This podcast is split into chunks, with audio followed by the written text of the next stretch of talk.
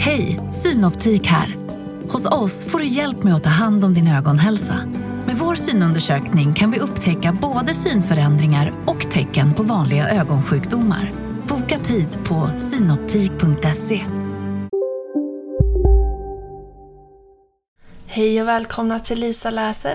Det är jag som är Lisa och idag ska jag läsa ur boken 50 roliga sagor. Den lilla musen Josefin En dag sprang den lilla musen Josefin ut i skogen för att plocka en bukett skogsvioler och att fånga fjärilar.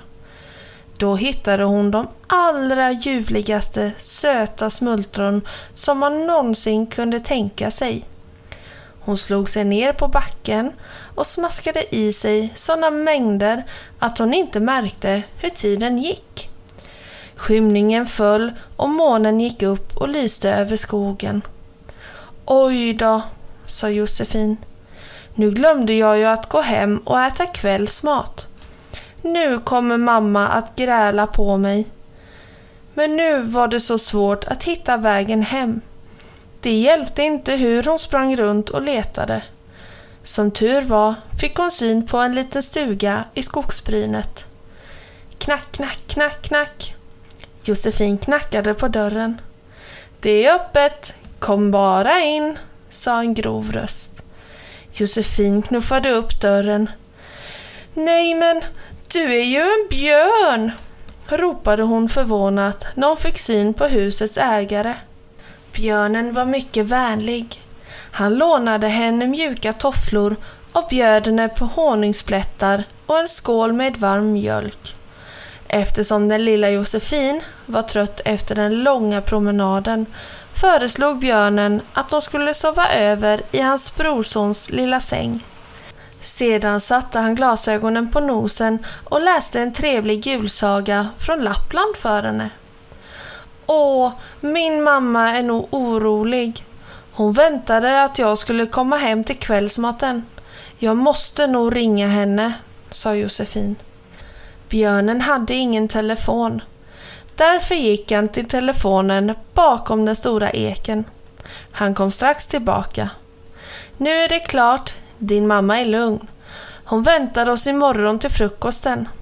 God natt, lilla Josefin. Hon somnade genast och drömde om en skog och en stor snäll björn.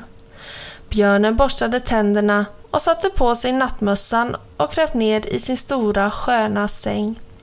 Han läste tidningen en stund och sedan släckte han ljuset. Nästa morgon följde han den lilla Josefin hem. De träffades mycket ofta och blev väldigt goda vänner. Pelle Pelle Jöns Pelle Pelle Jöns sprang så att han höll på att tappa andan. Cirkus Valentino hade slagit upp sitt tält på torget. Pelle Pelle Jöns var arbetslös. Hans fina kostym var luggsliten och blank på båda armbågar och knän. Han åt bara potatismos och hans fru hotade att lämna honom och flytta hem till sina föräldrar. Han ställde sig i biljettkön. Biljetten, sa kontrollanten.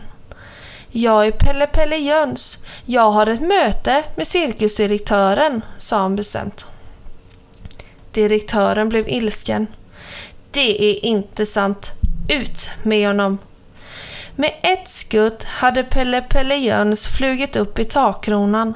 Han gjorde några farliga skutt, så sjöng han en stump. Hoppla! Han avslutade med ett par tre piruetter. Lätt som en fjäder kom han ner på fötterna och bugade för direktören. Direktören blev förtjust och anställde Pelle på fläcken. Rida på en mager ko, vara clown, akrobat, jonglör, loppcirkusdirektör. Allt kunde Pelle Jöns. Tack vare honom flög Cirkus Valentinos rykte över hela världen. Pelle Pelle Jöns tjänade pengar och kunde köpa sig skräddarsydda kostymer och handsydda skor.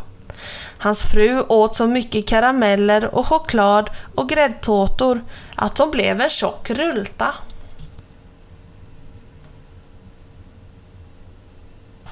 Klöverbloms rackartyg. När skogsråttan Klöverblom hade snickrat färdigt för dagen ordnade han alla sina verktyg i verkstaden. Sedan klädde han ut sig till Markis och skuttade ända bort till damerna där hans vän Julia Groda bodde. God dag, sa han och gjorde rösten så grov han kunde.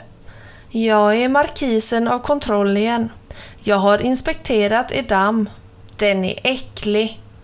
Han doppade ner sin käpp i vattnet och drog upp den drypande våt av alger. Usch! Titta bara som det ser ut. Ni brukar då inte städa allt för ofta. Julia Groda kväkte. Hmm. Hmm. Jag brukar vanligtvis låta den vara i fred. Julia blev påverkad av markisen och drog med räfsan i dammens botten. Plötsligt dök hennes hyresgäst Fingal Fisk upp till ytan. Han var fullständigt ursinnig. Om grodan fortsatte att räfsa bort alger och näckrosor som han älskade att simma bland skulle han helt enkelt packa sin pappas kappsäck och så var det bra med det. Hmm, ja, jag måste ju städa, förklarade Julia Groda för honom. Pass på, tillade hon. Markisen av kontrollen står här bredvid mig. Fisken vände honom ryggen. Jag är inte rädd för honom, sa han. Alltså, om algerna försvinner, då flyttar jag. Så simmade han iväg för att packa. Klöverblom kände sig ganska besvärad. Hans skojiga spratt hade gått alldeles snett. Mm, ja, jag är ju faktiskt Klöverblom. Julia, jag ville bara skoja med dig, förklarade han. Åh nej, Klöverblom. Du din fullfjädrade filur, nu får du ställa allt till rätta igen, sa grodan. Klöverblom planterade tillbaka både alger och näckrosor och fisken stannade kvar. När dammen hade fått tillbaka sitt vanliga utseende brast Julia Groda ut i skratt. Hahaha! Tänk att jag var så dum att jag trodde jag skulle städa dammen. Skogsråttan Klöverblom och Fingal Fisk skrattade också. Allt vad de orkade. Och snipp, snapp, snut så var dessa sagor slut.